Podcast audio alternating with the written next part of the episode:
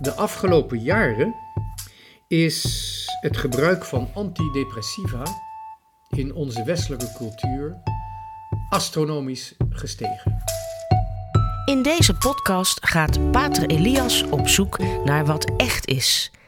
Hij gaat de uitdaging aan om een zo helder mogelijk beeld te vormen van hoe de wereld in elkaar steekt.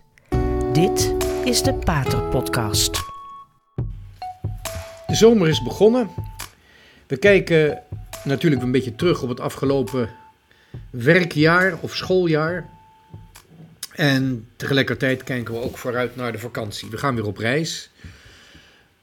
Sommigen met de familie, sommigen met een groepsreis, weer anderen misschien alleen of met een paar vrienden. Maar we gaan in ieder geval op stap. We gaan op reis. En we vinden dat dat erbij hoort, bij het leven. Een beschaafd mens werkt hard of leert hard en heeft daarom rust verdiend en moet er eens helemaal, helemaal uit.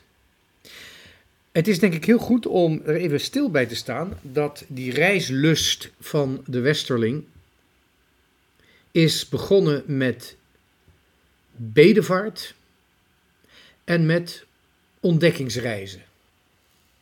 Waar vroeger vooral gereisd werd of buiten de grenzen werd gegaan om te veroveren, om nieuwe gebieden te veroveren en te ontginnen, dus altijd met een toch wel actieve intentie, zijn we gaan reizen in onze cultuur niet alleen om te veroveren of om te ontginnen, waar nog niets was, waar nog woestenij was, maar ook om te ontdekken, om te zien wat er was. Ook al waren het andere beschavingen, andere mensen of hogere bergen dan bij ons thuis. Maar het fenomeen ontdekkingsreis is werkelijk te ontdekken uh, wat elders is en wat er al is en onderzocht moet worden omdat het er is. Daar zit een hele diepe wetenschappelijke oorsprong in ontdekkingsreizen. Ook al had dat gevolgen voor de economie, voor de welvaart, ook voor de machtsverhoudingen in de wereld, maar er zijn reizen gemaakt puur om te ontdekken, om te kennen, om te weten. Ontdekkingsreiziger, reizer die als het ware het economische of maatschappelijke of culturele, eh, beschavende of misschien zelfs godsdienstige belang op de achtergrond hadden. Het ging om het kennen, om het ontdekken. En daarbij spelen ook bedevaarten een belangrijke rol, omdat het hier gaat om het ontdekken van wat buiten de wereld is, hoe ver we ook gaan in deze wereld, we proberen iets te ontdekken dat deze wereld te boven gaat. En ook iets wat niet alleen ons thuisland, maar zelfs ons eigen ik overstijgt. Bedevaarten, dat zijn reizen die worden ondernomen op een wereld die rond is, dus daar ben je op een gegeven moment omheen, om te ontdekken een wereld en contact te nemen, een wereld die niet rond is. Die in zekere zin eindeloos is, maar wel bepaald wordt door machten en krachten en geesten die niet van deze wereld zijn. Dat is de bedevaart. En terwijl we dus gaan reizen, of het nou is om een foto te nemen bij een Inca-tempel of om, in, of om ons in de gewijde bronnen van Lourdes te wassen, we moeten wel even ontdekken waar die vrijheid vandaan komt. Namelijk van de wetenschap aan de ene kant, dat is het ene extreem. En het andere, ons geloof, het transcendente aspect. Dat is eigenlijk de wijsheid. Het is goed, je hoeft er niet de hele tijd bij stil te staan, maar toch even stil te staan bij het feit dat het verschijnsel reizen en daarmee ook toerisme in onze cultuur eigenlijk heel erg te maken hebben of verwant zijn, verbonden zijn met een oorsprong in de wijsheid en de wetenschap. En daarom is het ook goed om die reizen, die ontspanning, het ontdekken, het zich verbazen, maar ook het nadenken over waar we vandaan komen en waar we weer naar terug gaan, om daar eens even drie dingen te noemen ter overweging, terwijl we op vakantie zijn, terwijl ook Radio Maria een zomerreces gaat hebben, om eens even over wat verschijnselen na te denken binnen onze samenleving. En eens even de vraag te stellen: is mijn vakantie werkelijk een bewuste tijd om te ontspannen? Om er helemaal uit te zijn, om iets nieuws te ontdekken, om energie te krijgen voor de thuisreis en het thuisverblijf? Of, want dat is een reële mogelijkheid, is het een vlucht? Is het geen rust na het werk, maar is de reis eigenlijk een teken van de onrust die, als ik thuis ben en aan verplichtingen voldoe, verborgen blijft? Er zijn nou eenmaal verschijnselen binnen onze samenleving, binnen onze cultuur, waar we best eens even bij zouden kunnen stilstaan terwijl we op reis zijn. Dat zijn niet allemaal verschijnselen die ehm, wetenschappelijk te onderzoeken zijn. Gedeeltelijk zijn ze dat wel, gedeeltelijk zijn ze ook statistiek aan te wijzen. En gedeeltelijk komen ze, in ieder geval wat mij betreft, uit de gesprekken die ik, mensen, die ik met mensen voer over wat zij beleven, over waar zij zich zorgen om maken. Dan zijn er eigenlijk drie dingen waar we eens even heel goed over moeten nadenken. De afgelopen jaren is het gebruik van antidepressiva in onze westelijke cultuur astronomisch gestegen. De top, aan de top staat eigenlijk nog altijd binnen Europa IJsland, waar 10% van de mensen regelmatig antidepressiva gebruikt. En ik heb niet alle gegevens, maar er is één westers land dat dat nog iets overstijgt en dat zijn de Verenigde Staten. In de Verenigde Staten gebruikt 11% van de mensen antidepressiva. Dat is nogal wat. Maar het zijn wel welvarende landen. Ze worden bij het vrije Westen gerekend, waar de mens gelukkiger kan zijn dan elders. Andere landen als Australië, Canada, Denemarken en Zweden, Verenigd Koninkrijk, stonden tot voor kort en staan dat nog steeds echt op de hoogste plaats. Nederland deed het tot voor kort redelijk, maar begint binnen de Europese Unie nu ook tot de eerste vijf, de hoogste vijf in het kampioenschap van het gebruik van antidepressiva begint een, een, een hoge plaats in te nemen. Hoe kan dat? We verkondigen zo graag dat we vrij zijn, ontplooid zijn, dat we het goed hebben en tegelijkertijd hebben we wel pilletjes nodig om ons het gevoel te geven dat we ontplooid zijn, dat we ons goed voelen, dat we tevreden zijn met onszelf, met ons land, met onze cultuur, met alles. De vraag is dus, als ik een enquête hou over het geluksgevoel, zou ik dan eigenlijk niet de wietrokers, drugsgebruikers en gebruikers van antidepressiva buiten mijn enquête moeten laten? Want hun mening is eigenlijk niet helemaal eerlijk. Als we een onderzoek doen, gaat het over de realiteit. En mensen die van de realiteit leven, en niet om mensen die die realiteit in zekere zin ontvluchten of te moeilijk vinden. Of in ieder geval met de realiteit zelf, zoals ze die beleven, moeite hebben. Dat is een van de zaken waar we best eens wat beter over na mogen denken. Zijn we niet op een kunstmatige manier, misschien zelfs chemische manier, zelf genoegzaam? Of Klopt onze band met de realiteit echt? En is er inderdaad geen zorgen? Of laat ik zo zeggen, is er geen reden om ons zorgen te maken? Een ander onderwerp dat vaak in gesprekken ter sprake komt met jongeren, zowel op school als op de universiteit, is de volkomen normalisering van drugsgebruik.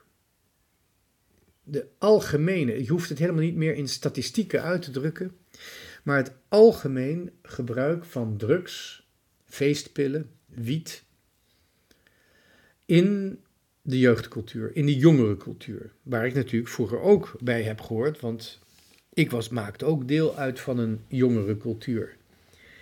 Bijvoorbeeld tijdens mijn studie was ik lid van een vereniging waar nogal wat gefeest werd en nogal wat gedronken werd.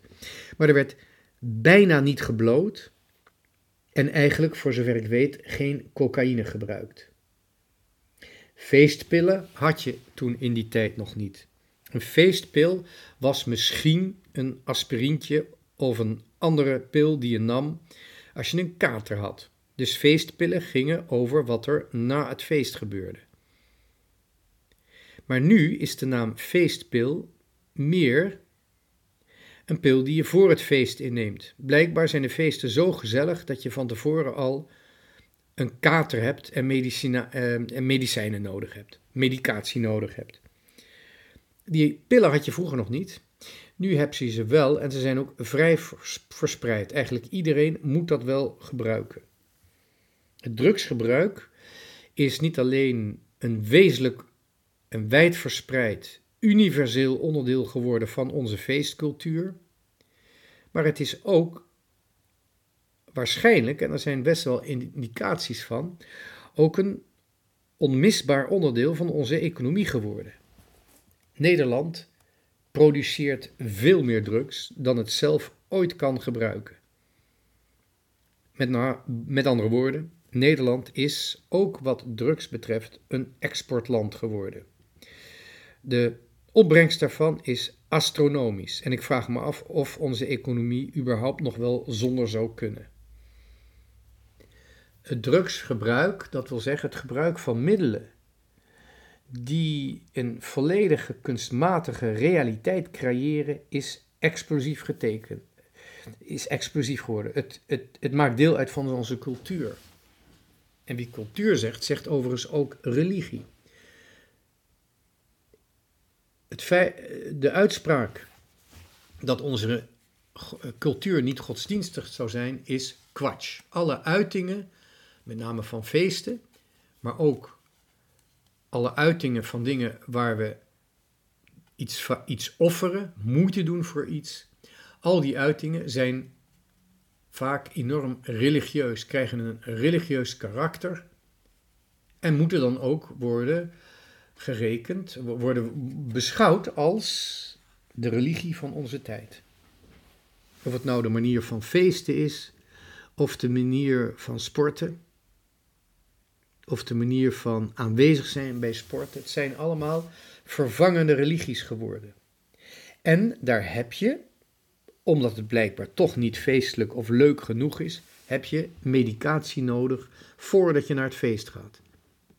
En die medicatie heeft een veel doelgerichter ehm, gebruik, is veel doelgerichter dan het klassieke ouderwetse alcohol drinken bij een feestje. Wat is daar de betekenis van? Waarom hebben we dat nodig in onze tijd om de realiteit zelf te verliezen? Waarom hebben we nodig om in zekere zin de realiteit ook te ontkennen, te ontvluchten? Onze bedevaart binnen onze cultuur gaat niet zozeer meer naar een bedevaartsplaats, maar naar een virtuele wereld. Net zo goed als de drang om oorlog te voeren, om geweld te gebruiken, om je domein te verbreiden en misschien ook je uh, domein te beheersen, vindt ook plaats in de virtuele wereld. Agressie wordt niet meer gevormd. Van negatieve energie hoeft geen positieve energie meer te worden gemaakt, want je kunt je helemaal uitleven in de virtuele wereld. Of het nou is wat betreft de seks met porno op internet, of met geweld en agressie, oftewel met de dood, met het gamen, de virtuele wereld voorziet in alles. En er hoeft niets, maar dan werkelijk niets, gecontroleerd te worden. Ook dat is weer een zone, die virtuele wereld, waar we de realiteit kunnen ontvluchten. Een ander heel merkwaardig fenomeen is de gevangenis. De gevangenis, daar zetten we mensen in die niet zozeer geen contact hebben met de realiteit, maar voor wie in onze realiteit geen plaats is. En meestal is er ook een goede reden voor. Het is niet alleen een straf, het is ook een zekere zuiverheid, een zekere veiligheid bewaren in de samenleving. En het merkwaardige is dat het land waar de meeste, procentueel, de meeste mensen in de gevangenis zitten, ook het officieel meest vrije land ter wereld is. Oftewel de Verenigde Staten. Dat Rusland op de tweede plaats komt, is niet zo verbazingwekkend. Het land heeft een krankzinnige geschiedenis doorgemaakt in de vorige eeuw. De waanzin was aan de macht. En dat die waanzin wijd verspreid is, is, niets verba is niet verbazingwekkend. En dus dat het gevangenisbezoek, het gedwongen gevangenisbezoek in Rusland extreem hoog is, is niet verbazingwekkend. Zeker als ik ook kijk naar de cultuur in Rusland, waar een christendom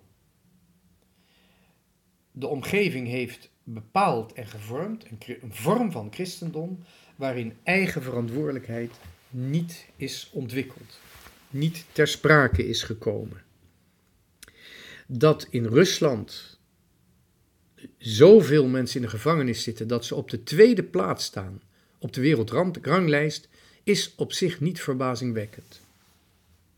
Wat daardoor juist wel verbazingwekkend is, is dat het land dat de rol vervult van de politieagent in de wereld, dat overal orde houdt, zodat wij als Europeanen in de illusie kunnen leven dat wij nauwelijks of niet een leger nodig hebben gehad.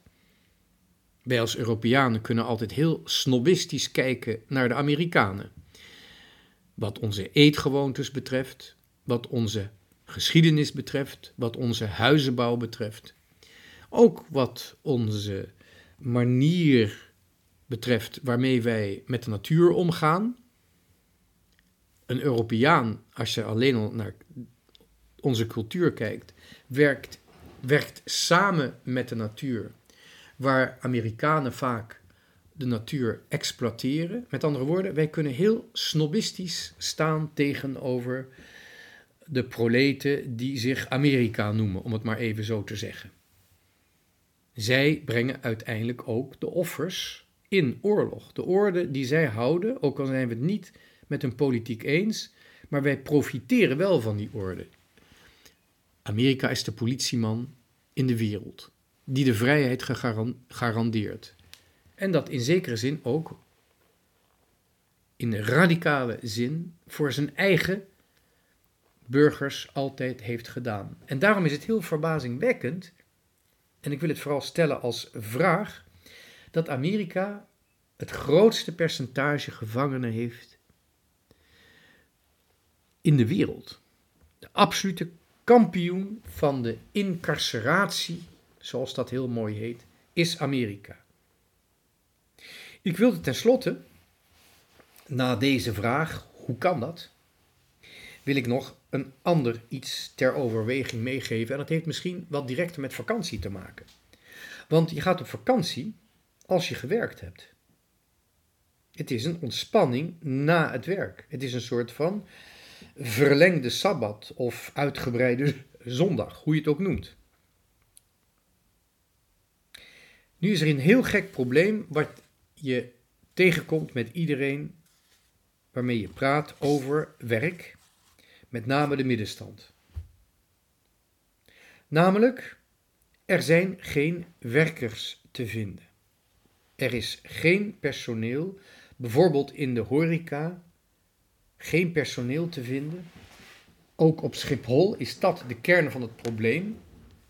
Dus waarom je dan de directeur op het matje beroept, is heel merkwaardig. Er zijn gewoon geen mensen. Geen mensen die willen werken, geen mensen die kunnen werken. Maar dat geldt voor een heleboel gebieden. Waarom zijn werkers zo moeilijk te zoeken? Waarom moeten we de bouwvakkers uit Polen halen? Er is wel vraag naar huizen, maar onze eigen lonen zijn blijkbaar te hoog. De hele merkwaardige situatie dat we een soort van negatieve werkeloosheid hebben. Hoe komt dat? Wat zijn, dat, waar, wat zijn de oorzaken daarvan? Als we dat symptoom ziet, zien, dat er wel werk is, maar geen, geen mensen te vinden, wat is dat voor ziekelijk verschijnsel in onze samenleving? Deze bijzonder merkwaardige toestand. Ook daar moeten we eens heel erg over gaan nadenken. Als wij wel welvarend zijn, maar niet willen werken en ook geen competentie willen leren om te werken, dan is er iets heel geks aan de hand.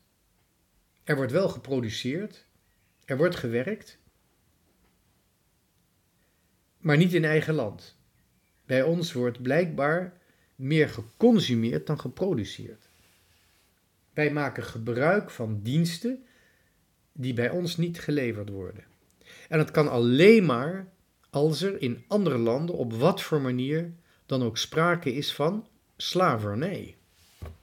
Op de een of andere manier is onze samenleving, wat betreft onze werkcultuur, ook wat betreft onze werkcultuur, in een bizarre, decadente fase beland. Heeft werk zo weinig respect in de samenleving? We zien mensen snel proberen rijk te worden van cryptocurrencies, van allerlei financiële manipulaties. Maar of ze er iets mee aan toevoegen aan de samenleving, dat is nog maar de vraag. En dan heb ik het niet eens over de vraag of ze überhaupt nog iets aan de samenleving willen toevoegen. Of gewoon op een manier, op een of andere manier snel rijk worden. Is dat niet uiteindelijk de meest bizarre en ook meest catastrofale verslaving van de mens? De geldzucht. Het idee dat geld alles is omdat je met geld alles kunt bereiken. Zelfs gelukkig zijn. Terwijl we op reis zijn, terwijl we op bedevaart gaan, moeten we eens ons allereerst afvragen of we, wanneer we terugkomen van vakantie, of we werkelijk terugkomen in een realiteit die we zien als een roeping. Of we nou bedevaart gaan of op vakantie, ontvangen we de realiteit van ons thuis als iets dat we van God ontvangen. Vakantie is een extraatje, kunnen we ook van God ontvangen. Maar ontvangen we die realiteit van ons eigen land, ons eigen thuis, als een plek die God geeft op weg naar zijn eeuwigheid, naar zijn eindbestemming? Aanvaarden we nog de realiteit van ons eigen zijn in onze eigen plek tijdens ons eigen tijdperk waaraan wij de betekenis moeten geven. Ons hele universum, hoe mooi het ook is, het is niet af. Het is niet afgemaakt. Het is niet voltooid. Met alle, onvolmaakt, met alle volmaaktheden kan je altijd weer iets onvolmaakts aanwijzen. Onze wereld is open, draagt niet zijn eigen zin in zich. En wij zijn de wezens geschapen in een tijd en op een plaats die de betekenis moeten geven aan de wereld, aan de plek, het domein waar wij leven. We mogen op reis gaan, maar we hebben wel een, we hebben wel een thuishaven. We zijn ergens thuis. En om dat te ontdekken, hoeveel dat waard is, hoe moeilijk het ook kan zijn om je eigen plek en tijd te hebben, moeten we inderdaad af en toe ontspannen en misschien ook wel op reis gaan. Maar het belangrijke is dat we allemaal terugkomen naar een plek die de onze is, die ons eigen thuis is. Als we doorgaan met waar we mee bezig waren en het zo goed mogelijk proberen te doen, met kwaliteit en opgedragen aan God, pas dan kunnen we gelukkig zijn. En kunnen we ook de stem van God in ons hart horen, dat we misschien iets anders moeten gaan doen. Het kan zijn dat we iets anders moeten gaan doen. Dat we inderdaad op reis moeten gaan naar een nieuwe bestemming, een nieuw werk, een nieuwe school. Dat kan. Maar God vertelt nooit zo plotseling van nu moet je iets anders gaan doen. Als wij proberen wat we aan het doen zijn zo goed mogelijk te doen, dan alleen kunnen we van God een stem horen in onze gebedshouding, in onze dankbaarheid naar, tegenover God. De stem van God horen die ons bevestigt in wat we doen, die ons thuis laat voelen waar we zijn, of misschien dat we iets anders moeten gaan doen of ergens anders naartoe moeten gaan. Als wij tegenover God het beste doen wat, wat we al aan het doen zijn, op de beste manier, op de meest dankbare manier, op de meest kwalitatieve manier, te doen wat we aan het doen zijn, dan zal God samen met onze eigen vrije wil langzamerhand duidelijk maken wat we moeten gaan doen. Of dat nou hetzelfde is, maar beter, of iets anders, of iets nieuws beginnen.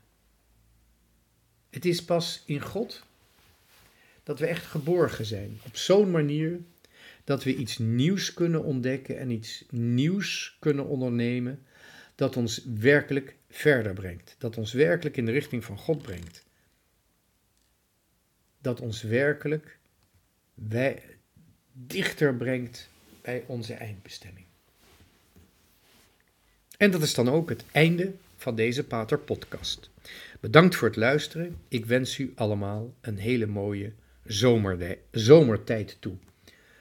Of op vakantie, of op de plek waar u bent.